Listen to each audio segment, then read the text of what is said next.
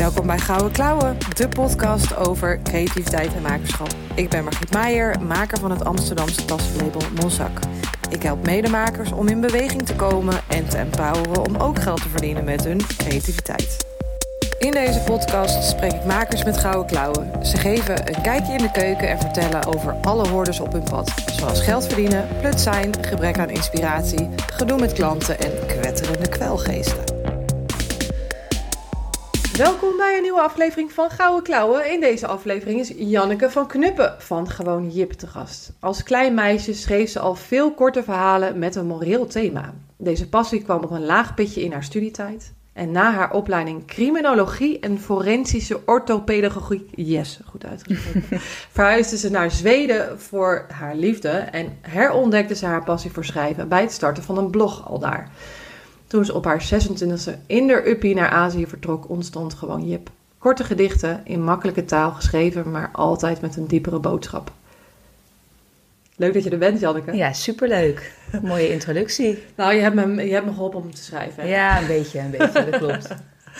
Uh, uh, ja, heel leuk dat je er bent. En heel even hoor, die opleidingen. Wat, ja, dat is een mond vol. Zo, maar, ja. maar ik wil niet gelijk naar de opleiding gaan, maar aan de andere kant, why not? Ik ben er toch al, ik ben er toch al nou op weg blijkbaar. Maar wa, wa, wat trok jou in die opleidingen als, als schrijver je dus al zo boeide? Um, ja, maar het schrijven was heel lang daarvoor. Hè. Het schrijven was echt basisschool. Mm -hmm. Uh, middelbare school heb ik niet meer geschreven. Ja, schrijven wanneer je een verslag moet schrijven of een opdracht moet maken. Ja. Maar, um, en ook tijdens mijn...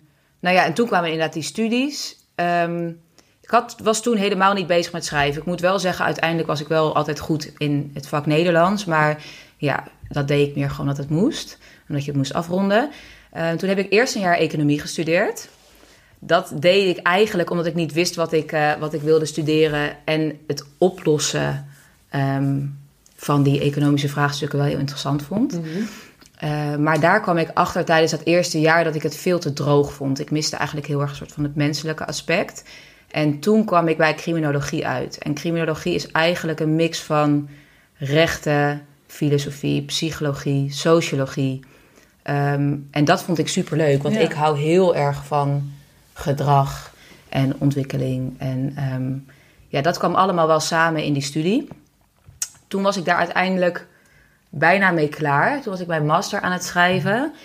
En toen kwam ik erachter dat ik um, nog niet per se wilde gaan werken. Ik vond studeren heel leuk. Ik vind leren heel leuk. Uh, dus toen um, kwam ik, toen dacht ik, ja, misschien wil ik iets meer de kant op uh, van de ontwikkeling echt in de vroege kindertijd. Ik had de master levensloop criminologie gedaan. En dat gaat ook heel erg over die ontwikkeling. Um, en daar was dus een studie forensische orthopedagogiek. Daar moest ik eerst een schakeljaar voor doen. En dan het schakeljaar dan, uh, dat je de bachelor orthopedagogiek uh, ja, pedagogiek hebt afgerond. En dan had je de master forensische orthopedagogiek. Dus die kwam er toen nog achteraan. Um, eigenlijk niet met het idee wat ik er in de toekomst mee zou gaan doen. Maar gewoon puur omdat ik het super interessant vond. Dus Van wat gebeurt er eigenlijk... Uh, binnen iemands leven of daarvoor al. Dat hij op een bepaald pad raakt. En waarom bijvoorbeeld een broertje of zusje niet. Mm. En um, is dat dan ook weer, uh, ja, is dat preventief tegen te gaan? Of is dat weer achteraf weer uh, ja, te verhelpen? Um, dat was eigenlijk, ik heb dat, daar heb ik niet echt over de toekomst nagedacht. Maar dat vond ik gewoon heel interessant. En eigenlijk als je nu terugkijkt dat schrijven vind ik superleuk, maar het heeft ook altijd hele maatschappelijke thema's. Ja. En het heeft ook heel veel met de psyche te maken en met bepaald gedrag en bepaalde emoties en zo. Dus ergens klopt het ook wel weer heel erg dat ik dat studeerde. Ja. Um, maar alles wat ik in die tijd schreef was echt alleen maar gewoon wetenschappelijk en binnen de studie. En dat had niks met dit creatieve schrijven of met poëzie te maken. Nee, maar het is wel een, een belangrijk, belangrijke schakel Waardoor je nu de teksten kunt schrijven, de gedichten kunt schrijven die je schrijft. Ja, al denk ik niet dat ik in het schrijven nu daar echt naartoe teruggrijp. Dat maar ik nu toch, misschien? Ja, het is nu meer een soort van intuïtief. Maar ik ben daar natuurlijk zoveel jaar wel mee bezig geweest. Ik heb daar natuurlijk wel zoveel over geleerd. Dat ik dat uh, misschien nu wel makkelijker verwerk in een gedicht. Ja. ja, en ik denk ook dat het vaak onbewust is, dat soort dingen. Want ik, ik um, uh, uh, als maker ook nog eens um, commercieel kunnen zijn. Dat is iets wat niet zo heel veel voorkomt bij makers. Omdat ze dat niet geleerd hebben. Maar Mhm. mij, in mijn studie eh, als inkoper, daarna ben ik in de mode gaan werken. En daar, daar leerde ik commercieel denken. Maar ik kwam er pas, nou, misschien een jaar geleden achter... dat ik dus in mijn opleiding, door die, eh, eh, in mijn opleiding en die werkervaring daarna... dus zo commercieel heb leren denken. Maar Ja. het is zo onbewust eh, proces dat, Ja, dat precies. je... Kijk, het zijn gewoon al die losse puzzelstukjes die jouw verhaal uniek maken. Of Mm. die jouw leven uniek maken. Ja. Waardoor je nu kunt doen wat je doet. Ja. Al die ervaringen samen. Ja, nee, dat klopt. En wat ik ook wel in die tijd, waar ik dus ook heel erg achter kwam, wat wel al een beetje samenhangt met wat ik dus vervolgens ben gaan doen. Ik kwam er dus achter dat ik er best wel een aversie tegen had. Dat ik in het wetenschappelijk onderzoek, ik heb ook nog even als onderzoeker gewerkt aan de universiteit, dat ik daar dus alles moest verantwoorden. Dat alles naar een bron moest leiden. Dat ik daar dus helemaal niet vrij in was. Ja. Dus toen kwam ik er ook wel heel erg achter toen ik uiteindelijk wilde gaan schrijven. Of weer het schrijven weer oppakte eigenlijk. Dat ik dus echt creatief wilde schrijven en vrij daarin wilde zijn. En dat ik dus absoluut niet wilde schrijven voor de wetenschap. Terwijl ik de wetenschap heel interessant vond, maar dat stond mij zo tegen dat je overal tussen haakjes die bron en met die datum en de, Ja. overal maar naar moest verwijzen. Eh, dus dat heeft me het uiteindelijk ook in die tijd al wel weer een beetje geleerd. eh, wat ik later heb meegenomen, zeg maar, in het schrijven Ja. zelf. Ja, dus ook echt vrij, denk, vrij denken. Ja, ik wil wel echt creatief kunnen zijn, ja. ja, Ja, ja, precies. Hey, en hoe ging het dan daarna? Want je, deed, je maakte die studie af en toen? ik maakte eigenlijk... ehm, ik wel in de winter, voordat ik afstudeerde van dus die, eh, die in de tweede studie... toen kwam ik in Thailand, kwam ik een eh, Zweedse jongen tegen. En eh, nou, dat was in het begin gewoon... eh, ja, dat was gewoon een avondje. En wel, wel, toen had hij mij volgens mij de volgende dag op Facebook of zo opgezocht. En zo kwam hij dus bij mij terecht. En toen kreeg ik een berichtje. En toen vroeg hij mijn telefoonnummer of zo. Dat was niet eens die avond zelf. Maar dit is echt... Wanneer was dit? Dit is echt 2012 of zo was dit. Ehm, en, nou, en ik leerde hem kennen. En toen was ik dus bijna... eh, ging ik afstuderen. Dus toen dacht ik, nou, dat is mooi. Dan studeer ik af. En dan heb, zit ik eigenlijk in, in Nederland nergens meer aan vast. Eh, en dan kan ik daar naartoe. Eerst nog met het idee dat ik daar dan eh, vakken zou gaan volgen aan een universiteit, zodat ik daar een doel had. Dat ik niet maar gewoon alleen maar voor de liefde ging. Ja. En toen zat ik daar en toen had ik dus expres mijn scriptie nog niet afgerond, zodat ik nog niet afgestudeerd was, dat ik daar nog vakken kon doen. Maar toen kwam er een nieuwe regeling dat je je tweede master binnen een jaar afgerond moest hebben, anders moest je ervoor gaan betalen. En dat ging in één keer echt, nou ja, dat was meer dan 10.000 euro of zo. Dus toen dacht ik, oké, dan ga ik nu heel snel toch eh, via Skype was dat of zo mijn eh, scriptie verdedigen. En toch nog in dat jaar afstuderen. Ja. En toen zat ik dus vervolgens in Zweden en toen had ik dus geen plan meer, want ik zou die studie gaan doen. Ik was één dag naar de universiteit daar geweest van Stockholm. En eh, nou ja, toen kon ik er dus niet meer naartoe, want ik, ik mocht niet meer ingeschreven zijn.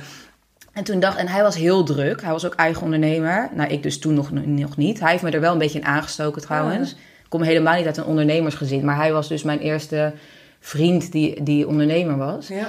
En ehm, toen dacht ik, ja, wat ga ik nou doen hier? En ik eh, woonde bij hem, want het was best wel moeilijk om een appartement te vinden in Stockholm. En eh, ja, hij was heel veel weg. En ik dacht, ja, heel leuk, de eerste maand loop je door een stad en zo. Maar ik had altijd best wel, ik wilde altijd best wel graag wat doen en me ontwikkelen of zo. En ik kon niet zo goed gewoon maar teren op hem en, eh, en een beetje winkelen, zeg maar. Ehm, en dat was dus ook helemaal niet mijn plan toen ik daar naartoe ging. Nou, dus toen dacht ik, nou, wat ga ik doen? Wat kan ik doen in mijn eigen tijd? Eh, en heb ik niks voor nodig? Ja, ik ga een blog schrijven. Dat was nog de tijd echt Ja. nog van het bloggen. Ja. Ja, je had toen vooral al die modebloggers die elke keer die outfit of the day Ja. gingen posten en zeggen waar alles vandaan kwam. Maar dat was niet helemaal aan mij besteed. Dus ik begon een blog over eh, verhuizen naar het buitenland voor een geliefde. En nou, dat was eigenlijk verhuizen naar het buitenland. Dat was eigenlijk niet eens per se voor een geliefde. En dat ging over van alles. Dat ging over een taal leren of over vrienden maken. En nou ja, al- alles waar ik tegenaan liep. En ik had mezelf wel een beetje als doel gesteld van... oké, dan wil ik iedere dag een blog schrijven. Oh, ja. Was helemaal niet lang, was misschien 500 woorden of zo. Maar dat deed ik dus wel trouw en dat gaf mij dus heel erg een doel, Ja. iedere dag. Dan ging ik met mijn laptop ergens naar een cafeetje. Nou, dan had je natuurlijk superveel eh leuke cafeetjes daar. En ehm, nou ja, dan schreef ik dat en ik deelde dat gewoon op mijn eigen Facebook. Het was echt nog voor, ja, het was voor mijn Instagram-tijd. Ik had ook nog niet een, eh, een eigen Instagram. En ehm, ik kreeg daar dus best wel, veel ja, best veel reacties op. Best wel veel mensen gingen het lezen. Nou, dat, dat vond ik wel leuk, maar het was vooral eigenlijk voor mijn eigen doel van de dag eh, dat ik dat begon. En toen kwam ik erachter dat ik dus het schrijven eigenlijk heel erg had gemist. dat ik dat dus heel erg leuk vond om te doen. En dat het me ook heel gemakkelijk afging. Ik tikte dat zo weg en er kwamen goede reacties op en het gaf me heel veel voldoening. En het was ook een beetje therapie ergens of zo. Schrijven is voor mij ook wel echt, ik schrijf echt van me af, Ja. zeg maar. Ja. Ehm, en daar kwam ik dus achter van, oké, ik wil echt heel graag gaan schrijven.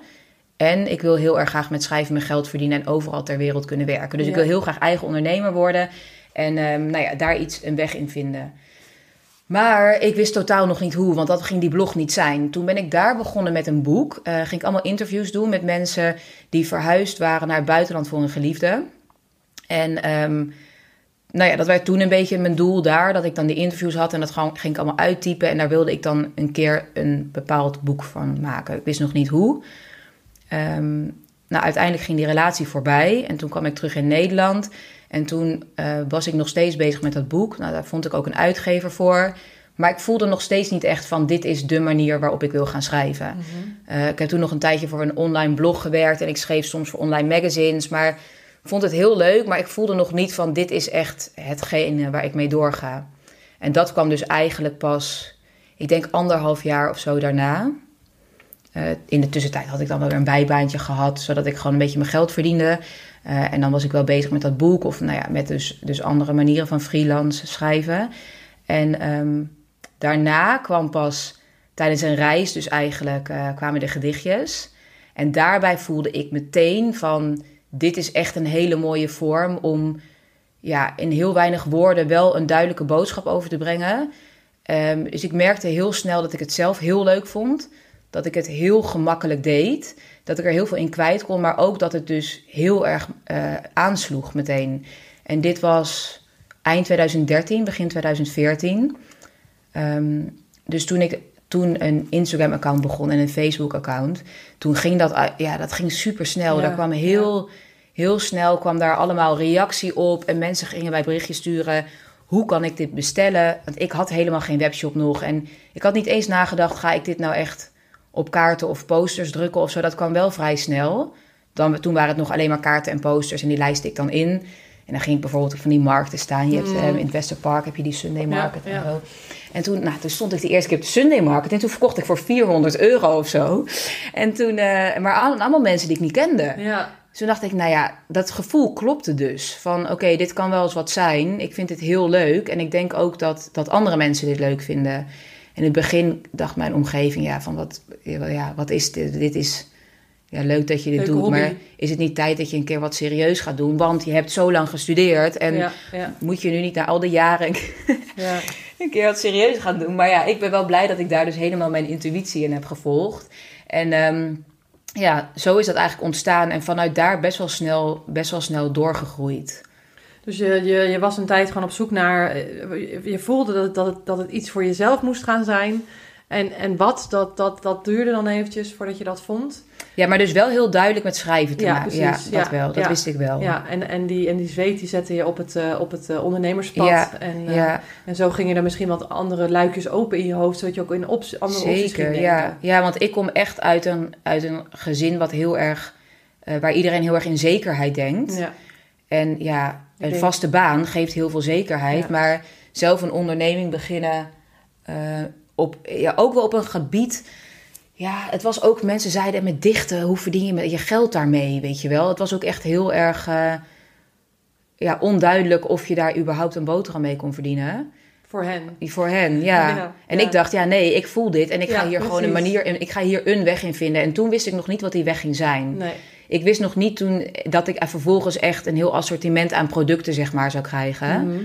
Het is eigenlijk. oh, Is het, dan, nou, is het dan daar ook weer, weer waar die puzzelstukjes samenkomen van die economie? Hè? Je begon met economie studeren. Ja, Je zei dat je ook vroeger eh, kantoortje, bedrijfje speelde, helemaal toen je kind was. Het zat er waarschijnlijk ja al het zat echt er heel in. erg in. Want ehm, ik ging ook eh, op de hoek van de straat al zitten vroeger.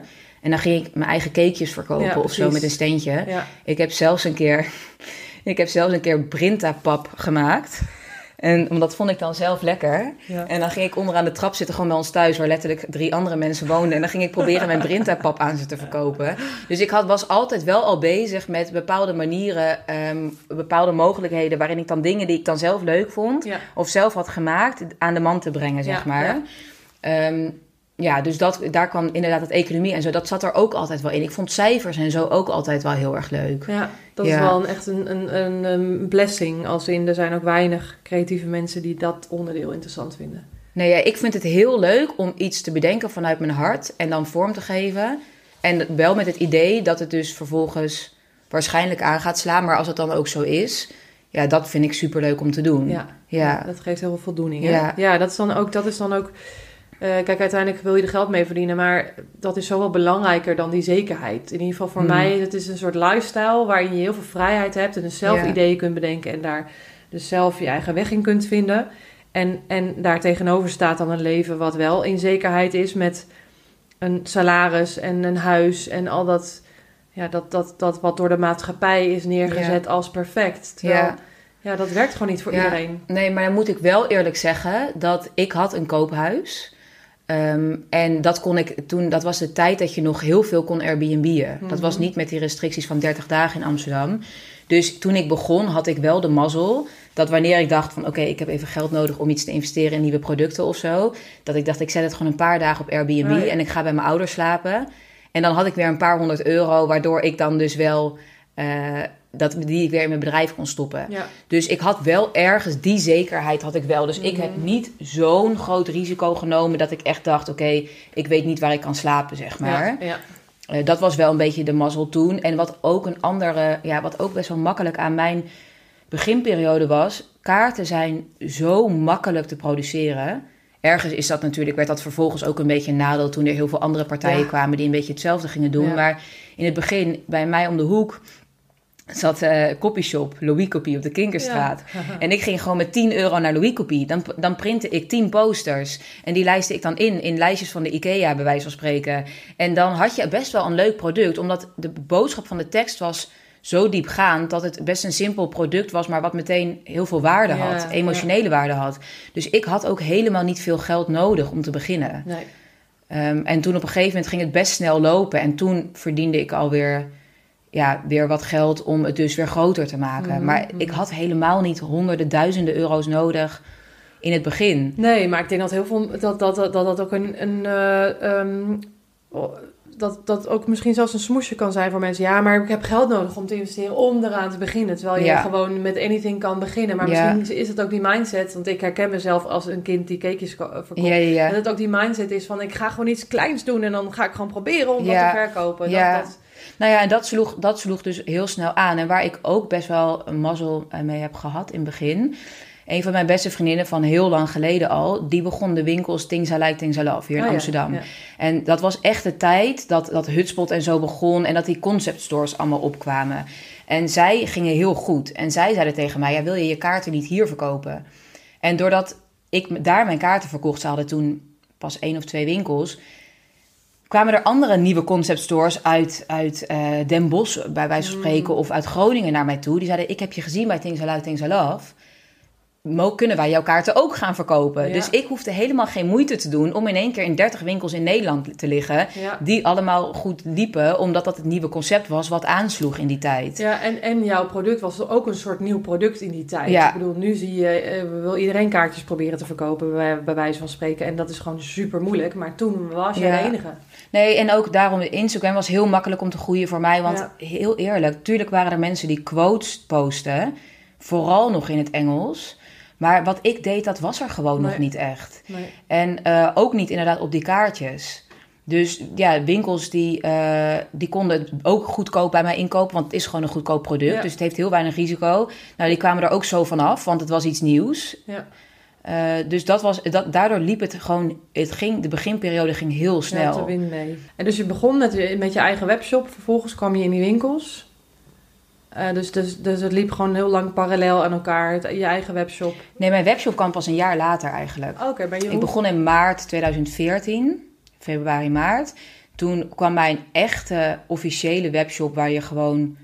Ja, eigenlijk een, nou, één versie van die er nu is. Die kwam pas april dat jaar erop. Ah, dus het waren markten dan? Markten. En ik had wel een webshop waar je dan wel... Je kon niet per se een product afrekenen, maar je kon daar wel mij berichten sturen en zo. En het was heel erg via Facebook en Instagram. Mensen stuurden mij gewoon een berichtje van ik wil eh, graag dit en dit gedicht op A4 en dit is mijn adres. En dan stuurde ik gewoon een tikkie, Oh, of ja. nou ja, tikkie was toen volgens mij nog niet eens.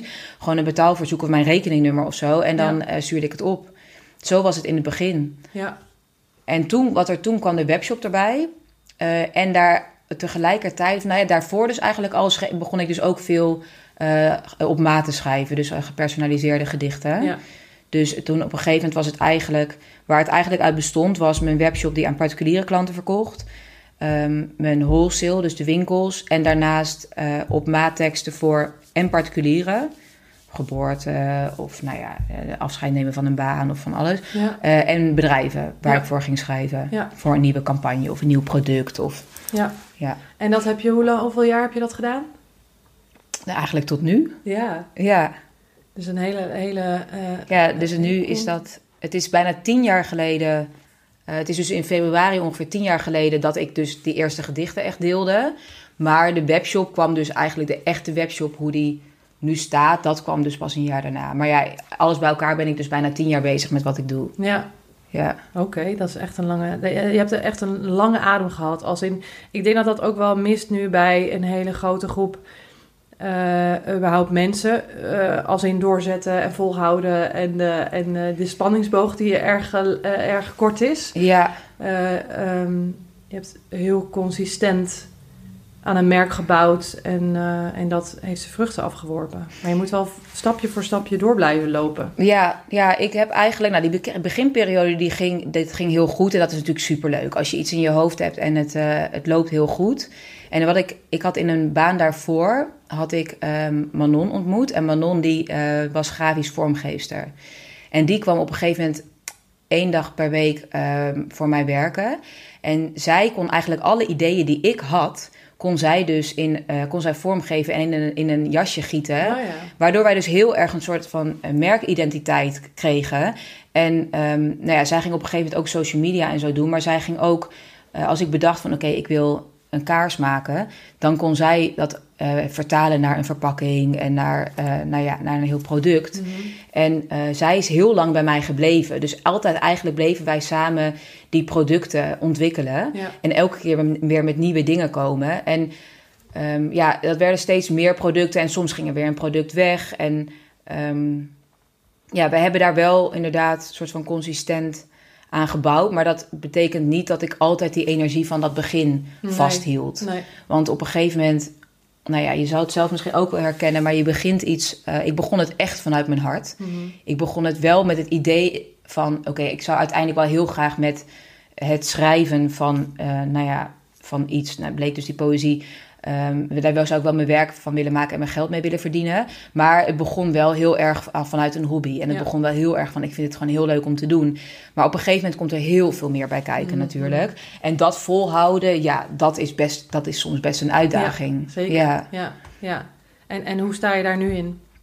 Nou, ehm, wat ik heel lang heb gedaan, en daar, daar kwam ik eigenlijk pas een paar jaar geleden achter. Ik ben heel erg een opstarter. Dus ik hou heel erg van het creatieve. Ik hou heel erg van het schrijven, vind ik nog steeds superleuk. Ehm, ik vind het bedenken van de producten nog heel leuk. Maar hetgene wat daarna komt, eigenlijk het hele praktische, dus een webshop onderhouden, alles bevoorraden, contact met leveranciers, heel veel klantenservice, social media. ehm, wat eigenlijk een soort van 80% van mijn tijd in beslag nam Ja. of neemt. Het is eigenlijk die trein r- r- rijdende houden. Ja, dat, dat vond ik eigenlijk veel minder leuk. Maar dat was natuurlijk heel erg nodig om mijn bedrijf te laten groeien. Ja. En dat, hoe meer energie ik daarin stak, hoe meer mijn eh, bedrijf groeide. Maar tegelijkertijd ook wel een beetje mijn ehm, passie Mhm. eh, we- weer wegnam. Dus dat, was, daar, dat heeft best wel lang geduurd voordat ik daarachter kwam. Want ehm, het was wel hetgene wat eh, zorgde dat dus die trein bleef rijden... maar ook steeds, steeds sneller ging rijden, Ja, zeg maar. ja. Eh, maar wel een beetje mijn eigen vuur deed doven. Ehm, en daar eh, ben ik eigenlijk nu pas... Ik denk anderhalf jaar geleden echt achtergekomen. Misschien dat ik het altijd wel een beetje voelde, maar het was gewoon niet.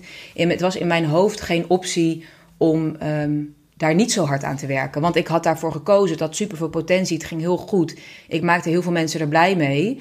Eh, ik kreeg superveel berichtjes altijd dat mensen blij waren met het product of met de gedichten. En ja, ik dacht, ja, ik, dat, dat zet ik dan voort. Ja. En een bepaald werktempo wordt op, op een gegeven moment ook je standaard. Dus als je dan minder hard gaat werken dan dat, dan voelt het ook alsof je tijd aan het verspillen bent. En je, rekt het steeds, je rekt het steeds meer op. Dus je bent er steeds drukker mee of, of bent steeds harder aan het werk. Ja, want op een gegeven moment merkte ik wel echt... Uh, ik heb twee kleine kinderen, uh, nu twee en drie. Dus ik was, ja, vier jaar geleden was ik zwanger. En toen, tijdens de zwangerschap, nou dan werk je gewoon door. Nou, dat doe je natuurlijk ook als je voor een baas werkt. Maar toen mijn verlof kwam, toen merkte ik dus dat ik, dat, dat ik eigenlijk helemaal geen verlof nam. Want ik was zo gewend om altijd zo hard te werken. Ik nam op vakantie mijn laptop mee, want een webshop is altijd, is er altijd. En klantenservice komt altijd binnen. Social media, was, wij posten iedere dag in die tijd. Mhm. En uh, dat zorgde er ook voor dat het altijd goed door bleef lopen. Maar ik ik vond het ook niet kunnen om een out of office aan te zetten. Zeg maar. Ik dacht, ja, maar dat wordt gewoon van mij verwacht. Iemand, ze verwachten gewoon dat, ik, dat er zo vaak per week verstuurd wordt en dat er zo vaak per week beantwoord wordt. Ja. En toen, toen merkte ik dus dat ik eigenlijk ik was bevallen en volgens mij letterlijk anderhalve dag later, s'avonds, was ik gewoon alweer mails aan beantwoorden op mijn oh, telefoon. ja. En ja, dat was heel moeilijk om, uit, om dat, dat, ja, die trein, om even bij die trein te blijven, om daar zelf uit te stappen, zeg maar. Ja, ja, dat loslaten. Ja. Dat, dat, dat, dat, het is een soort lifeline of zo geworden. Of zo, heb ik dat, zo voelt het voor mij. Dat je... Ja, en heb je dan niet ook dat je dan dus onrustig wordt op het moment dat je eigenlijk rust neemt? Zeker, zeker, ja. Dus het is een soort verslaving ook. Ja, het is, het is denk ik, ze zeggen toch ook, dan blijf je is het adrenaline of dopamine of zo, die blijft heel hoog. En wanneer dat zakt, word je dan een soort van onwennig. Nou ja, in de tijd met natuurlijk je mail op je telefoon, social media, waar je toch wordt geacht redelijk vaak te posten om iets in stand te houden en zo, uh, is het natuurlijk heel moeilijk om dat weer te laten zakken en weer daarin tot rust te komen. Dus ik denk ook.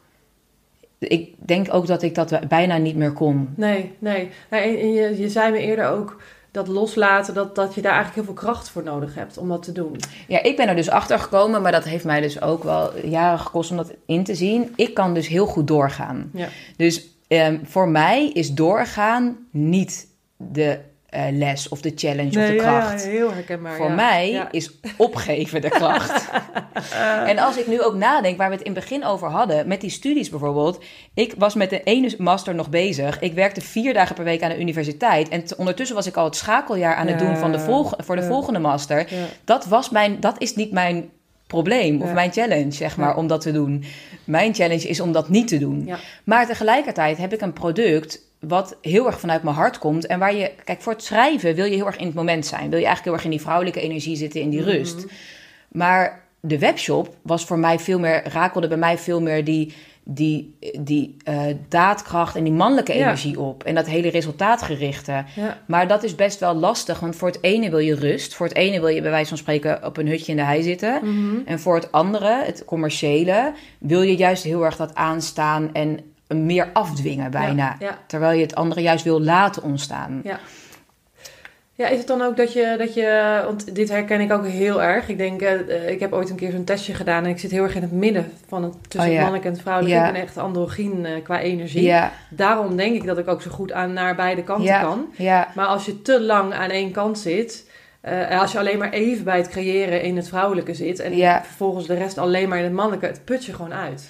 Ja, en, is het creëren echt nog vanuit je vrouwelijke? Of is dat ook van, er moet een nieuw gedicht komen, dus ik moet dat nu vandaag schrijven, want kerst komt eraan, bij wijze van spreken.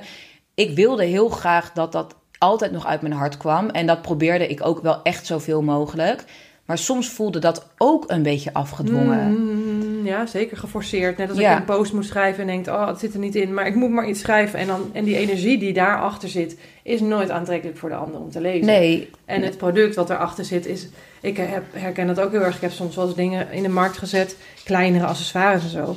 Waarvan ik dacht, er moet gewoon geld verdiend worden. Ja. Maar de liefde zat er niet in. Nee. En daardoor verkocht het ook gewoon Nee, en dan denk jij waarschijnlijk, ja, dat is een toegankelijker product. Dat is goedkoper. Daar, is, daar is de doelgroep groter voor. En dat is logisch, want je bent ook ondernemer. Dus je bent niet alleen maar creatief, zeg maar, in wat je nu gekozen hebt. Hè? Ik bedoel, je kan ook ervoor kiezen om alleen maar als ZZP'er bijvoorbeeld, ik zou alleen maar kunnen schrijven. Maar ehm, ja, op dat moment, in die onderneming, ben je natuurlijk ook ondernemer en heb je ook heel veel draaiende te houden en een pand te betalen en 100%, eventueel ja. personeel en zo. Ja. Ehm, ja, dus ja, ik merkte er heel erg dat. Wat ik eigenlijk heel erg merkte was. Als ik ging schrijven met het idee van. ehm, ja, mensen vragen op Instagram: kan je niet iets schrijven over dat thema? En ik dacht dan: oh ja, misschien is dat een goed idee. En ik ging dan schrijven. Dan was het vaak natuurlijk een beetje bedacht of zo. ja. Terwijl wanneer ik echt voelde vanuit, oh, er komt iets in mij op en ik wil nu echt gaan zitten. Of ik, ik, ik krabbel het snel ergens op een papiertje of op mijn telefoon, want dit, dit komt nu echt helemaal vanuit mezelf. Dat waren altijd de teksten die mijzelf zoveel meer raakten. Ja. En uiteindelijk heb ik ook bedacht, nou, dat, dat, eh, dat schrijven omdat het commercieel slim zou zijn, of omdat men het van mij verwacht, dat wil ik in ieder geval niet Nee, meer. nee. Ik ga nu nog alleen maar schrijven wat, waar, waar ik zelf echt van aanga, Ja. zeg maar. En de dingen die je zelf maakt, die jou raken, die voeden jou in je leven. Dat Ja. is waardoor het je leven ook mooier maakt. En dat kan je ook waarschijnlijk veel beter overbrengen. Ja. Dus daar kan je waarschijnlijk ook de levens van anderen veel mooier mee maken. Ja. Ehm, dus dat, ja, dat heb ik op. Ik had op een gegeven moment heel veel teksten. Ik denk dat je als je op mijn website kwam, dat je 75 verschillende gedichten kon kopen binnen allerlei thema's. Die kon je kopen als aanzichtkaart, als kaart met envelop, als A5-kaart, als A5-kaart met envelop. Vaak Heel ook nog als A4. Ja, dus voor iedereen was Ja, er wat. precies, Wil je het inlijsten, dan koop je A4. Wil je ehm, het niet zoveel geld uitgeven, dan koop je gewoon een aanzichtkaartje. En dan binnen heel veel thema's waarvan ik eigenlijk dacht: oké, als ik zou ik dit zelf nou ophangen of voel ik hier zelf nou echt wat bij, dan kon ik eigenlijk de helft wel schrappen. Mhm. Dat heeft ook wel tijd gekost voordat ik daar super selectief in durfde te worden. En dan kreeg ik heel vaak berichten. Ik kan dat gedichtje niet meer vinden op je webshop, heb je het niet meer? En dan ging ik toch weer naar die drukker, nog Ja, steeds mijn oude trouwe ja, drukker, om het dan toch nog te maken. Dus ik vond het wel, ik heb wel heel erg lang eh, daarin ook niet helemaal mijn hart gevolgd, denk Nee. ik. Op een gegeven moment ben ik daar veel selectiever in geworden. Nu heb je misschien nog 30 gedichten op mijn website en nog maar in één formaat wat je dan kan kiezen, wel of niet met envelop. Ehm, nam ook heel veel ruis weg. Ja. Want je moet al die producten op voorraad hebben. Ja. Je moet al die, die formaten en al die enveloppen en alles moet er altijd zijn. Zeker. En het stomme is dat dat allemaal er is omdat jij denkt dat dat zo moet zijn. Het zijn Ja. regels die je zelf opgelegd hebt. Ja, En natuurlijk eh, zijn het wel klanten die... Je hoort trouwens op de achtergrond Spoenk die hier lekker Hm. rondwarrelt. Ehm, maar het zijn allemaal eh, dingen die jij hebt bedacht die jouw klanten willen. En soms vragen klanten er wel naar, maar het is niet altijd zo. En dus op een gegeven moment bouw je eigenlijk een soort van... Ja, een soort eh, een werkritme of een bepaalde standaard... waar je dus zelf aan moet voldoen. ja. En die mensen dan vervolgens ook weer van jou gaan verwachten. Hè? Ja, ja, ja. Want als jij dat Ja. uitzoudt, als ik één keer zeg, oh tuurlijk, ik ga wel naar de, naar de drukker voor een A5 print, eh, print, dan komen ze de volgende keer weer. Ja. Oh, mag ik dat nog een keer bestellen? Mhm. Terwijl je dan eigenlijk denkt, oké, ik doe dit nu wel voor één keer, want het kost me zoveel tijd om dat apart vorm te geven, om apart daar naartoe te gaan en weer, weet je wel, eh, dat, dat apart op te halen en te versturen. Maar, ehm, en inderdaad, kijk, je bedenkt het zelf, je legt jezelf heel erg die druk op, maar daardoor gaan anderen het ook verwachten en Ja, wordt het, blijft het Ja, eigenlijk doorgaan en hou je het dus zo op die manier in stand. En niemand zegt, niemand zegt, jij moet zoveel aanbieden of in, op die manier. Je hebt het uiteindelijk allemaal zelf bedacht. Ja. Maar op een gegeven moment lijkt het bijna of je het niet meer zelf hebt bedacht. Ja, ja, Op een gegeven moment lijkt het bijna van ja, dit is nu gewoon het bedrijf. En dit is gewoon hoe het nu staat. En zo gaan we er dan maar mee door. ja, en hoe kwam je erachter dat dat niet meer was wat je wilde? Nou, daar heb ik wel heel veel lessen voor nodig gehad hoor. Ehm, het begon eigenlijk, nou, ik voelde het al best wel lang, maar ik negeerde dat dan. Ehm, ik probeerde het dan een beetje te reorganiseren. Dus ik heb vijf jaar lang heb ik bij eh, mijn producten bij een verzendpartij gehad. Dus dan dacht ik, nou dan is dat gedeelte van altijd die pakketjes moeten maken. Want ik ging, op een gegeven moment ging het zo goed lopen, maar ik verkocht dan houten plankjes die best wel zwaar waren. En dan was het bijna moederdag en dan werden er honderd plankjes per dag besteld. En dan ging ik dus nog met die plankjes zelf iedere keer naar eh, de PostNL om het te versturen. Nou, dat was op een gegeven moment natuurlijk echt niet meer houdbaar. Nou, toen had ik het, dat uitbesteed, maar toen merkte ik eigenlijk dat een heel groot deel toch nog bleef. Een heel groot deel van de nou ja, klantenservice blijft, alles blijven bevoorraden, dat blijft. Ehm, heel veel dat contact met leveranciers en zo voor de producten, dat, blijft, dat bleef allemaal. Dus nou ja, eigenlijk hoopte ik door het uit te besteden weer helemaal gelukkig te worden en dus weer helemaal in dat creëren te kunnen komen. Bleek niet zo te zijn, bleef toch doorgaan. En toen ik kreeg dus mijn eerste dochter. Toen was ik, ehm, nou, nam ik dus niet echt verlof. En toen was ik na zeven maanden weer zwanger. En ehm, toen was, dacht ik, ik ga het anders doen. Toen had ik wel iemand die de, die de taak een beetje voor mij ging waarnemen tijdens mijn verlof. Maar ehm, zeker niet genoeg. Ik kon het nog steeds helemaal niet loslaten. Nog Dus- meer aan jou dan aan haar. Ja, zeker. Ja. Ja, ja, Ik had gewoon nog al mijn mail op mijn telefoon. En ja, ik zat daar zo in. Ik was zo gewend om dat jarenlang op die manier te doen. Ehm, dus ik nam weer niet goed eh, mijn rust. En toen was zij eh, een half jaar. En toen ehm, werd ik helemaal niet lekker. Ehm, was dus, even kijken, begin 2022, denk ik, ja. Ehm, ik, werd, ik werd heel misselijk, heel duizelig. En ik voelde me eigenlijk iedere ochtend of ik helemaal in elkaar getrapt was. En ja, wij hebben best wel slechte slapers. En ehm, vooral in die tijd. Dus iedereen zei tegen mij: ja, je hebt gewoon twee kleine kinderen. Ze zitten dicht op elkaar. En ehm, je hebt gewoon heel veel slechte nachten. Dus ja, logisch dat je je niet lekker voelt. Maar ik werd vooral dat hele duizelige. Ik voelde elke keer of ik een misstap maakte. Nou, toen ging ik naar de huisarts en toen kwam daaruit, ja, je leverwaarden zijn niet goed en je bezinking eh, is niet goed. Dat is je ontstekingswaarde. Maar hij wist niet wat het was. Nou, nog een keer bloedonderzoek, nog een keer bloedonderzoek. Nou, mijn vader is huisarts. Die zei op een gegeven moment, moet je niet laten testen of je Pfeiffer hebt. En toen, eh, toen had hij dus nog op een aantal andere dingen getest. En toen bleek dat ik Pfeiffer had en eh, CMV. Dat is ook een soortgelijk virus. Eh, en daaroverheen kreeg ik eh, COVID en daar was ik ook heel erg ziek van. Dus eigenlijk met die jaren altijd te hard te hebben gewerkt, geen zwangerschapsverlof eh, te nemen twee keer, veel slechte nachten en dus een soort van drie zware virussen die ik over elkaar heen kreeg. Ja, toen kon ik eigenlijk niet meer functioneren. Toen kon ik het eigenlijk niet meer in stand houden hoe ik het altijd in stand had kunnen houden. Want het lukte me altijd gewoon. Ik wist wel, ja, het is niet helemaal een gezonde trein. En ik zou eigenlijk me moeten focussen op de dingen waar ik gelukkiger van word. Maar ik kon het altijd nog wel managen. En ehm, toen kwam ik er dus achter. Nou, laten we zeggen dat ik nog 30% van mijn energie had die ik daarvoor had. Toen ging ik heel erg nadenken: oké, als ik 30% van mijn energie maar over heb waar ga ik dan aan, dat aan besteden? Waar krijg ik energie van in alle dingen die ik doe? En wat kost me energie? En ik, ik werd eigenlijk echt geforceerd om daarover na te gaan denken. En toen is bij mij het kwartje wel echt gevallen van oké, ik ging heel erg voelen van oké, nu raak ik uitgeput. Nou ja, dat raakte ik best wel snel. Dus dat was wel een makkelijke graadmeter. En nu vond ik het eigenlijk, nu gaf het me eigenlijk wel energie. En toen ben ik bij alles wat ik ging doen, ben ik gaan kijken. Oké, waar, wat, wat, die balans? ja, wat is die balans? En toen kwam ik er dus achter dat ik het schrijven nog steeds heel erg leuk vind. Het nadenken over de thema's waar ik over schrijf vind ik heel leuk. Ik vind het creëren heel leuk. Maar eigenlijk heel veel dingen die daarna kwamen, heel veel praktische dingen, wat allemaal meer het afmaken, zeg maar, betrof in mijn eh, onderneming, dat kostte mij energie. En waar ik ook wel achter kwam, was dat, dat eh, ik het best wel miste dat ik altijd alleen was. Want ik doe eigenlijk iets heel menselijks. Die boodschappen die ik overbreng, daar raak ik dan best veel mensen mee. Alleen ik zag ze nooit.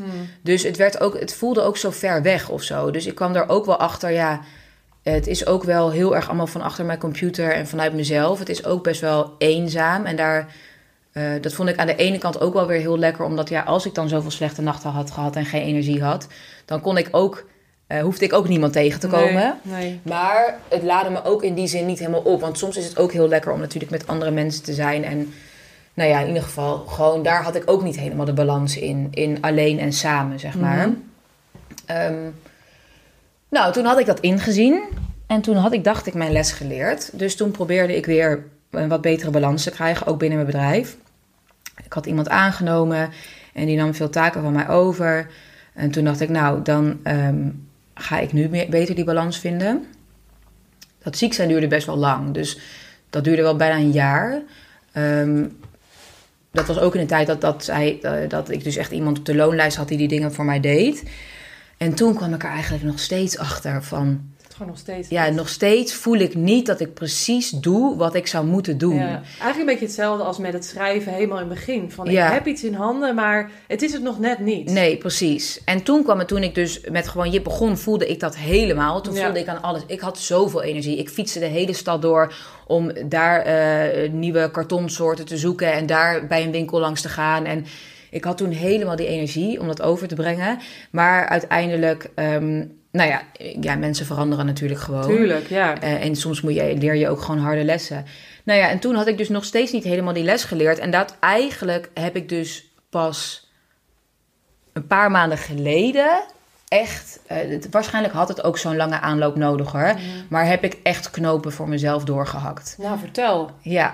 Wat zijn die knopen? Want we zitten allemaal al 40 minuten te wachten op deze scoop.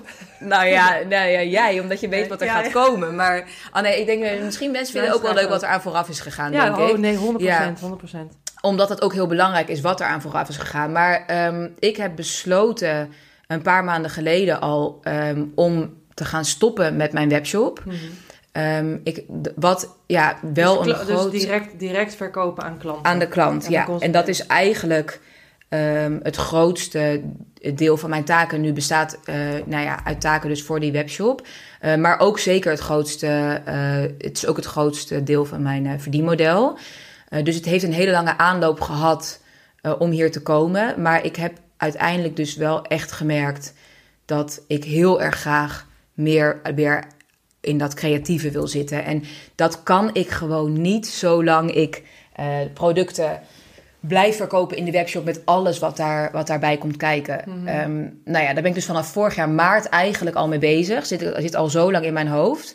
Ehm, dus nu, eh, ja, dit komt live. Het, eind- is, het is nu midden september en het Ja. komt eind oktober live. Dus Ja. is een, eh, Nou ja, dat is dus eigenlijk eh, nu van. Het is eigenlijk gewoon nu een mooi haakje ook voor mij om het dan dus op dat moment te gaan communiceren. ja. Ehm, dus we gaan nog maar twee maanden verkopen eh, op www- www.gewoonje.nl. Ehm, nou ja, dat is wel precies dan tijdens de feestdagen. Dus dat is wel een mooie periode. Eh, en eigenlijk is nu mijn plan, en ik denk dat ik nu ook gewoon bij dat plan moet blijven, om gewoon 1 januari zeg maar eh, de stekker daaruit te trekken. Het staat op band. Ja. Ik vond het super spannend. Ik heb het ook heel lang in mijn omgeving niet verteld. En ik denk, zeker, ik denk ook dat nog zeker niet iedereen in mijn omgeving dit weet. Ja. Want het was zoiets groots voor mij om dit te beslissen. Het is zoiets groots van mijn, ja, van mijn werkzaamheden en gewoon van eh, wie je bent. wie, je, ja, wie ik ben of wie ik ben geboren of wie ik ben. Ja. ja. En het is ook best wel eng natuurlijk omdat je niet echt weet wat daarna komt. Ik gooi wel ergens ook een beetje mijn oude schoenen weg voordat ik mijn nieuwe heb, zeg maar. Maar dat past ook wel weer heel erg bij mij, omdat ik ook denk... Ik kan ook pas weer helemaal voelen wat mijn hart nu wil op het moment dat ik weer die rust en ruimte heb. En daarvoor moet ik eerst iets stoppen. Ik kan dat niet gelijktijdig eh, aan elkaar laten lopen. Nou moet ik wel zeggen, ik blijf wel verkopen aan winkels. Winkels weten zelf ook nog niet dat ik dit ga doen. Heb ik ook nog niet gecommuniceerd naar mijn verkooppunten. Maar ik blijf wel verkopen aan mijn verkooppunten. Ik blijf wel bestaan met het Instagram-account en nou ja, de andere account. Ik blijf ook nog wel soms op maat schrijven. Ehm, en ik blijf, eh, er komt een heel eh, mooi boek uit. Eigenlijk een van de grootste projecten waar ik dus nu mee bezig ben, maar dan helemaal de tijd voor heb. Ehm, rondom World Mental Health Day eh, 2024. Dus dat is, eh, dat is in oktober. Het boek komt in september uit. Ehm, dus de, ik, ben, ik ga zeker niet verdwijnen. En gewoon Jip gaat zeker niet verdwijnen. Maar eh, ja, eigenlijk wat nu... ehm, ja, waar, waar de klant nu... eh, waarvoor ze nu bij mij komen... Dat gaat wel verdwijnen in deze Ja. vorm, ja. Ja. En daarin zorg je dus goed voor jezelf. Luister je nu, nu, nu beter naar wat jij nodig hebt in plaats van wat je klant nodig heeft. Ja, en ik denk dus uiteindelijk dat ik dus, eh, als ik die, die ruimte weer vind, dat ik misschien ook weer veel meer ga schrijven. En veel meer uit mijn hart ga schrijven. En dus weer veel meer mensen kan raken. Want ik blijf wel alles gewoon via Instagram delen. Het komt nu in dit boek uit. Maar wie weet, misschien komen er wel uiteindelijk. Misschien ga ik wel één dichtbundel per jaar uitgeven. Ehm, bijvoorbeeld nu met zo'n uitgever. Zij hebben het contact met de leverancier. Zij doen die, die inkoop en die productie. Zij doen de sales en marketing. Super relaxed. Ja, al die dingen die Ja. mij eigenlijk stress gaven, die ik altijd deed. Ik had al die petten op. Ja. Ik heb nu nog steeds wel al die petten op, maar binnenkort dus niet meer. Eh, ik hoef nu alleen maar de schrijver te zijn en alleen maar de thema's te bedenken. En, en dat in een. eh, ik denk ook wel mee over de vormgeving. Ik denk wel mee over de sales en de marketing en de PR. Maar ik, de uitvoering daarvan hoef ik niet meer te doen. Nee, maar is het dan ook niet dat je... eh, je, hebt, je sporen verdiend. Dus je verdient dus zo'n plek om te zeggen... ik schrijf de tekst en... eh, of om gevraagd te worden. eh, jij schrijft de tekst, wij regelen alle andere dingen. Ik denk dat je op een gegeven moment... verdien je je sporen... eh, ehm, en kun je met met, met die status of, of dat wat je hebt opgebouwd weer iets anders gaan doen. Ja, En, en ik denk dat, je, dat het dan ook gaat over jezelf dat toestaan. ja, Dat je dus niet meer zo hard hoeft te buffelen, maar dat het misschien ook op een Ja. andere manier zou kunnen die veel rustiger is. En bij- beter nu bij je past. Want we zijn allebei al tien jaar bezig. Dat is Ja. gewoon best wel lang. ja. Ja, het gaat over... ehm, het, ja, het gaat heel erg ook over jezelf serieus nemen, denk Ja. ik. Want ik hield mezelf, echt klein. Ja. Want doordat ik zo druk was met die kleine taken eigenlijk... Met, met al de producten, materialen bijbestellen... en weet je wel, mailtjes beantwoorden en zo... kan ik... Ja, dat, is, dat is, was echt letterlijk mijzelf klein houden.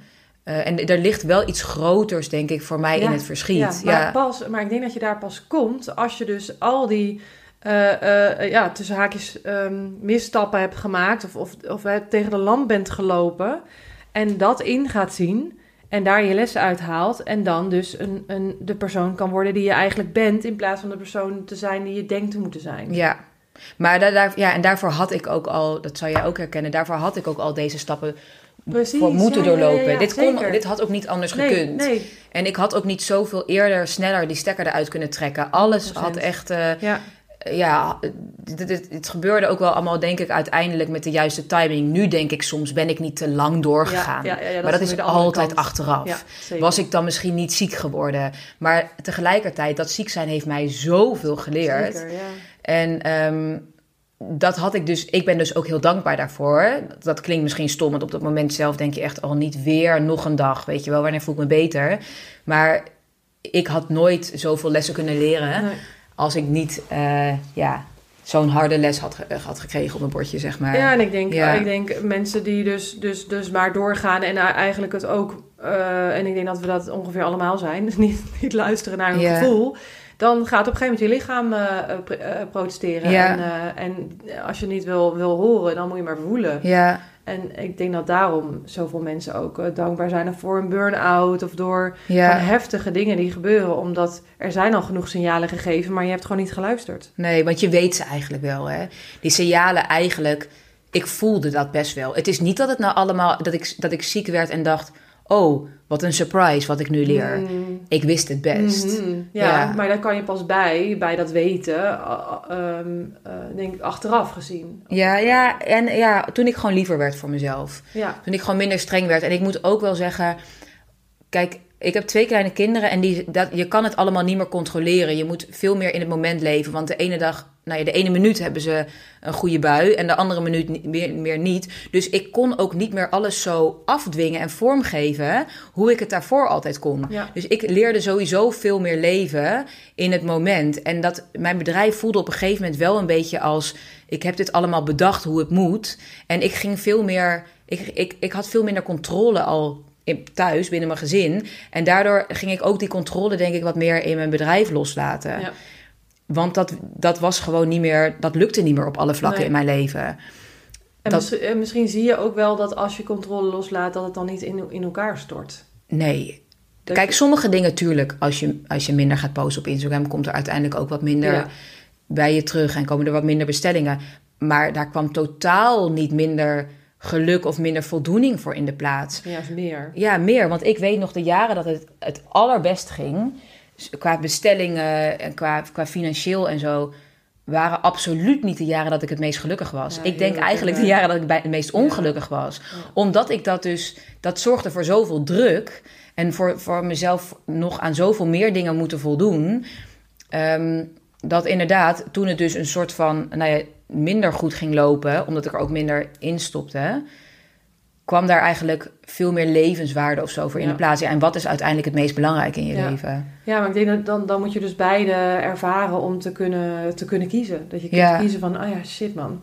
Maar eigenlijk is mijn leven, als ik gewoon eh, niet zo hard werk en misschien iets minder verdien, veel fijner, omdat de druk dan weg is. Precies. is. En dan, dan komt er misschien, of waarschijnlijk denk ik, ook wel, uiteindelijk ook wel weer iets anders voor in de plaats. Zeker, ja. Maar eh, je moet ook niet bang zijn om eventjes in dat soort van gat te, te, te vallen of te zitten, denk ik. Nee, En het is dus eigenlijk geen gat. nee. Want het is eigenlijk juist super waardevol en heel lekker ook om even adem te halen. En eh, ja, Ja, je zet een luikje, je zet een luikje open. eh, je, zet- je, de, de- je ziet een nieuw luikje, die zet je open en je ziet daar in één keer een hele andere wereld die, eh, die je zou kunnen instappen, die je daarvoor nog niet had Nee, die- mogen zien of nee. kunnen zien. Ja, die bijna onmogelijk leek. Ja. ja. Ja, Want hoe is dat voor jou? Ja, ik, ik, het is grappig. ik, eh, ik dacht, ik ga sowieso de tijd even loslaten in deze podcast. Eh, Wat is de tijd eigenlijk? De tijd is Normaal. 50 minuten. Ah, nee, oké. Ja, nu, nu, nu. Maar dat maakt niet Ah, uit. Eh, dat Maar normaal, qua lengte? Normaal ook ongeveer. Maar dat is niet erg. Eh, sorry, te veel geluld. Nee, dat is helemaal niet erg. Ik, eh, nee, ik zit echt een beetje een soort van... Want het is dus nu midden september. En eh, ik heb ook nieuws. En, dat is, en deze podcast is pas eind oktober live. Maar ik merk dus dat ik heel erg... eh, eh, dat ik een beetje een soort van... Kan, een soort gevoel van, is het veilig? Kan ik dit nu zeggen? Maar ik kan het Ik niet heb het al gezegd. ja, jij hebt Ja. het al gezegd en, en, en het kan zeker. Maar eh, ja, dus, dus ik heb ook besloten om mijn bedrijf te gaan verkopen. Dus helemaal te verkopen. En, en dus ik kan heel erg relaten. En ik eh, herken heel erg dat je als je eh, jezelf toestaat om, ehm, um, om überhaupt dus een kijkje om de hoek te nemen naar hoe zou je leven eruit kunnen zien als je dat bedrijf niet meer hebt. Ja. Dat je daar in één keer zoveel ziet wat je nooit voor mogelijk had kunnen houden. En dat dat ook maakt dat je uiteindelijk de, de, keus, de keus durft te nemen. Maar ik durfde heel lang niet om dat hoekje te kijken. Ja, want hoe lang, hoe lang is dat proces een beetje gaande bij jou? Eh, eigenlijk al sinds 2018. En Dus, Ah, dat is, eh, wauw, ja. dus dat is eh, in, inderdaad in mijn beste jaar eh, dacht ik, ja, dit, maar hier word ik niet blij van. Nee. En, en toen, toen dacht ik wel van, nou, hoe zou, het, hoe zou het anders kunnen? Precies zoals jij, dat je gaat zoeken naar mogelijkheden van, maar wat als ik dit doe? Of wat als ik aan deze knop draai? Of wat als ik hiermee stop en dat verander? Want ik, ik had een grote collectie, veel verkooppunten. Ik ben op een gegeven moment ehm, gestopt met die verkooppunten, gestopt met die collectie. Ik had een webshop met alleen, alleen nog maar een rugtas. Op een gegeven moment ben ik dat, die ook gaan sluiten. Ben ik alleen nog maar tas op maat gaan maken. Naast de workshops die we Ja. ook gaven. Dus heel veel smaakjes geprobeerd. Ja. Wat ook wel weer heel boeiend is, realiseer ik me Mhm. nu. Dat je ehm, voor mij als, ook als coach voor makers... Ik heb zoveel verschillende smaakjes geprobeerd... dat ik overal wel over mee kan praten. Ja. En, en het is heel leerzaam geweest, maar ook wel uitputtend... omdat je zo zoekende bent. Mhm. Herken Ja. je dat? Ja, ik herken het zeker. Ehm, en je moet het ook gewoon proberen Mhm. om het te kunnen ondervinden. Ja. Je weet het echt niet van tevoren. Want misschien had het voor mij wel gewerkt ehm, dat ik met een verzendpartij was samen gaan werken. En had ik dan gedacht, oh, ik kan het nu makkelijk voortzetten. Want nu vind ik helemaal mijn rust en mijn geluk. Maar ehm, dat, had, dat, dat moest ik proberen. En dat kan je niet een half jaar proberen. Dat ga je dan langere tijd proberen. Ja. En hetzelfde voor jou. Ja, misschien had het wel gewerkt om dan te stoppen met die collectie. Ja. En, maar ja, en uiteindelijk blijkt dan eh, iets anders. En dat, maar dat had je natuurlijk nooit kunnen weten. Nee, nee, nee. nee. Ik, ik dacht wel altijd van, maar als het Monzak niet zou zijn, wat zou het dan zijn? En toen ben ik, denk ik, gestopt met... Nou, eh, op een gegeven moment kwamen er mensen dus naar mij toe die wilden dat ik ze hielp om een eigen tassenlijn te starten. En daaruit merkte ik dat ik echt niet kan samenwerken met mensen die alleen maar in de game zitten voor het geld. Dus die mensen wilden vooral geld verdienen. En toen kwam ik op het spoor van, oh, maar dan kan ik ook... Want als ik mijn mede-ondernemers, mijn medemakers ga helpen met het ondernemer, Hmm. ondernemersstuk. En zo ben ik op het spoor van het coachen gekomen. En dat heeft dan nog twee jaar geduurd met een, een aantal opleidingen. En, ehm, maar voor mij is de stap eh, ook makkelijker geworden omdat ik, ehm, omdat ik dus een plan B heb. Ja, want plan B is, Is ondernemingscoach. Ja, daar ga je gewoon mee door. Ja, dus de makerscoach, dat ga ik dan helemaal fulltime doen. En, ehm, eh, maar ik heb ook heel lang gedacht, en dat vond ik ook wel een interessante eh, eh, eh, gedachte van... eh, maar als ik Monzak niet meer heb, dan kan ik niet meer aan die makers bewijzen dat ik weet waar Oh ik ja. het over heb. Ja, En dus ik had wel echt wel een jaar nodig om mezelf te bekwamen als coach. In te zien dat ik dat goed kan. Dat dat echt mijn nat- tweede natuur is. Eh, omdat ik ook heel nieuwsgierig ben naar gedrag en Mhm, gedachten en psychologie. En dat vind ik gewoon super boeiend. En dat dan mixen met, met, eh, eh, met makerschap. Want het is zo'n persoonlijk... Het is die navelstreng die Mhm, tussen jou en je product zit. En dat maakt het zo, zo psychisch. Ja, ik vind dat eh, zo fucking boeiend. En dus het is helemaal mijn passie. En dat voelde ik ook heel erg van. Ik word daar zo helemaal zo, zo blij van. Alleen als ik erover praat en, en de tassen maken. Ik kan het goed. Ik, ik, ik, ik doe het. Maar it doesn't spark me joy anymore. ja. Nou ja, en dat, het is natuurlijk voor jou 12 jaar. Ja. Dat je het doet. Ja, Ja, ik bedoel, ja, ik denk ook wel eens als jij voor een baas werkt, kijk je ook naar een x aantal jaar tuurlijk. verder. Ja. Of krijg je een andere functie of ga je naar een ander bedrijf. Ja. Het is natuurlijk helemaal logisch dat op een gegeven moment iets niet helemaal meer bij jou past. Ja, omdat je jezelf ook, net als wat jij zegt, ik hou ook heel erg van leren en ontwikkelen. En op een gegeven moment ga je jezelf steeds beter leren kennen. Mm. En groeit je bedrijf met jou mee. Maar op een gegeven moment zijn de mogelijkheden dan wel op. Ja, En, en, en het fijne aan je eigen bedrijf is dat je dus allerlei smaakjes kunt proberen. Wat je dan weer niet in loondienst vaak kunt. Eh, want dan is, zo'n soort baan niet beschikbaar. nee, heb je weer allemaal toestemmingen nodig. En, eh, Ja, goedkeuring. ja. ja. En, en eh, ja, dus ik, ik, eh, het was grappig toen ik jou vroeg, vertelde je erover. En toen vond ik het wel heel bijzonder dat we allebei in dezelfde fase zitten Ja. nu. En, en, en ik, ik voelde net iets opkomen waarvan wat mensen dan ook tegen mij zeggen van... eh, eh, wat moedig. Wat moedig dat je zo'n eh, sprong in het diepe durft te wagen. Maar terwijl ik het zeg, denk ik... Nee, maar je, we luisteren gewoon heel erg naar onze intuïtie. Ja. En we geloven dat er nog iets beters aan de andere kant van die Ja. heuvel ligt. En dat gunnen we ons Ja. zelf. Nee, ja, ja, zeker. Ja, ergens inderdaad, dat, dat wat moedig, dat had ik wel toen ik een beetje in het begin de beslissing nam. Omdat ik toen dacht van ja, opgeven is dus voor mij Ja. lastig. Herkenbaar, ja. Ehm, ik, doorzetten is voor mij echt zoveel makkelijker. Opgeven is lastig. Dus dat, maar nu voelt het al niet meer zo. Nu voelt het gewoon alsof ik mezelf gewoon heel, heel veel serieuzer neem. Ja, ja. En gewoon veel liever ben voor mezelf. Ja. Ja, en dan denk ik ook eh, dat je dus de juiste mensen op die energie, op dat niveau, de juiste mensen weer naar jezelf toetrekt. Dat je, dat je daardoor eh, uitnodigingen krijgt om ergens te spreken. Of dat je daardoor Mhm. eh, nieuwe kansen krijgt die dus beter matchen bij dat wat achter die heuvel ligt. Of hè, wat, wat, wat, die, die, wat het diepe dan, dan is.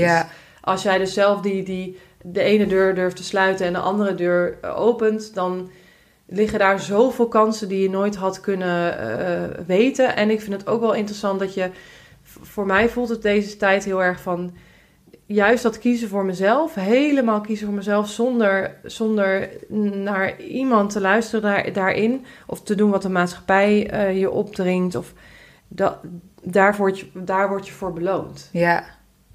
Nee, ja, zeker luisteren naar jezelf word je denk ik altijd voor beloond. Ja. Kijk, in welke vorm dan ook. Mhm. Ehm, en ergens is het natuurlijk, toen jij je bedrijf begon, toen ben jij ook uit, bij een baas weggegaan. Ja. Ik ben toen, eigenlijk hebben we het ergens ook al een keer gedaan. Wij wisten ook niet, nu kunnen we zeggen, ja, uiteindelijk hebben we, daar, hebben we daar een bedrijf van gemaakt en zijn, weet je wel, zijn we gegroeid en hebben we daar ons geld mee verdiend. Maar dat wisten we toen ook Nee, niet. klopt. Eigenlijk wat we nu dus gaan doen, hebben we eigenlijk al 10, 12 Ja. jaar geleden een keer gedaan.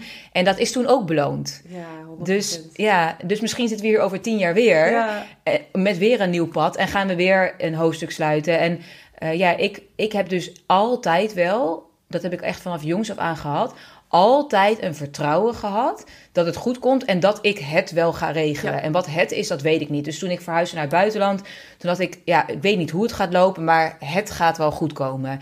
En toen ik mijn bedrijf begon, wist ik ook zeker van, ja, ik weet nog niet welke vorm dit gaat krijgen. Ik heb nooit een businessplan of iets gehad, maar ik wist, ik voelde wel van, ja, ik ga hier wel echt wat van maken. En nu weet ik ook niet wat er gaat komen. Kijk, ik weet dat het boek er gaat komen en ben nog wel met een paar andere dingen bezig, maar dat staat zo in de kinderschoenen. Ik heb geen idee, als ik maar over drie jaar spreek, wat er dan in de afgelopen Nee. drie jaar is gebeurd. Nee, maar je hebt alles in huis om dat wat voor je voeten gegooid wordt eh, tot een succes te maken. Dat, dat, Ja. dat geloof ik gewoon. Ja, en wat dat gaat zijn, en daar zullen zeker ook nog hobbels komen. Tuurlijk, tuurlijk. Ja, maar goed, we, zij weten nu ook met terugwerkende kracht dat die hobbels ook uiteindelijk je superveel leren. Ja. Dus dan waardeer je de hobbels soms op het moment zelf misschien ook al. Ja, en, en, je, en je ziet ze inderdaad eh, aankomen beter. En je, je hoeft de hobbel niet meer drie keer te, eh, te krijgen om, om ervan te leren. Maar één keer is genoeg. Ja, precies. Ja, en geen, geen weerstand tegen die hobbel. Ik Nee. denk dat dat ook echt heel fijn is, wat Ja. je dan uiteindelijk ervan hebt geleerd. Zeker, Ja. zeker. Hey, eh, mensen kunnen jou dus nog twee maanden, of kunnen dus, dus nog twee maanden in jouw webshop shoppen. Ik zal de link even in de bio zetten. Ja. Ehm, we gaan jou volgen, we gaan alles. eh Ja, alles ik verdwijn horen. niet. Nee. Maar ik ben ja, gewoon wat minder, gewoon meer vanuit nu voel ik het om te schrijven en nu voel ik het om iets te delen Ja. of iets te maken. Ehm, maar eh, absoluut niet van, oh, het is nu al een week geleden. Eh, ja, ik moet Het nu moet toch... weer. Ja, Ja, ja geen Eh, moeten meer. Nee, dus, ehm, nee, dus ik ben er wanneer ik er ben.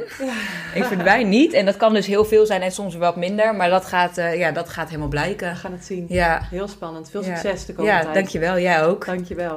Leuk dat je hebt geluisterd. Geef deze podcast vooral sterren. Dan maken we andere makers weer blij. En tot de volgende.